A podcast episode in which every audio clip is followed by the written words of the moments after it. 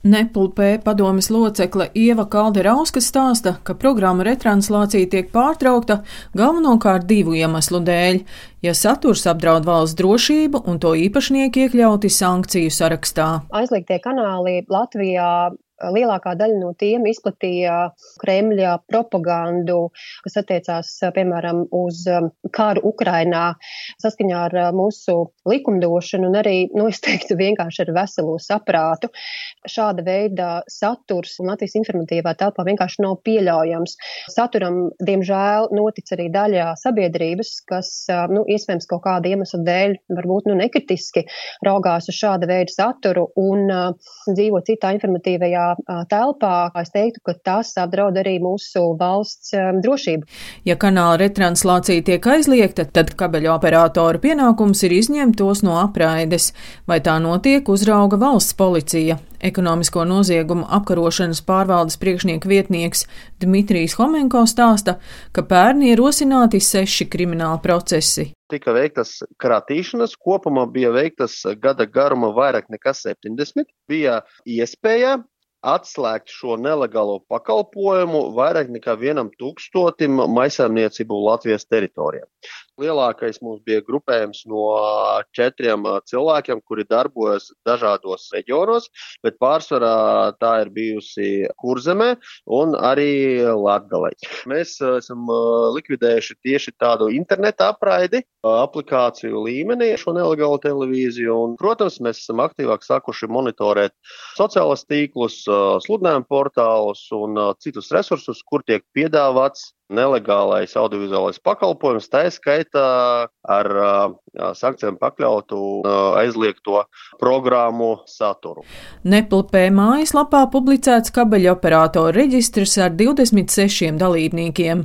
Latvijas elektronisko komunikāciju asociācijas valdes priekšsēdētājs Ilmārs Mūls, kas pārstāv 15 kabeļu operatorus, TV kanālu slēgšanu salīdzina ar cīņu ar veidzirnavām. Nobloķējot šīs lapas šeit eh, no Latvijas operatoriem. Nav nekāda šķiešļa piekļūt viņām caur citu valstu kaut kādiem tur starpnieku serveriem.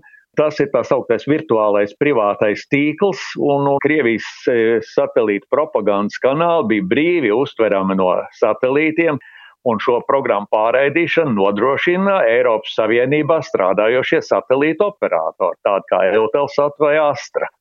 Un bez tam ir ļoti daudz interneta aplikācijas, kuras arī visos jaunajos tā sauktajos smart televizoros ir pieejams nu, bez kādām problēmām. Vakar saimnes pieņemtie likuma grozījumi ļaus nepulpē bloķēt arī interneta mājaslapas, kas retranslē Latvijā aizliegtos Krievijas kanālus.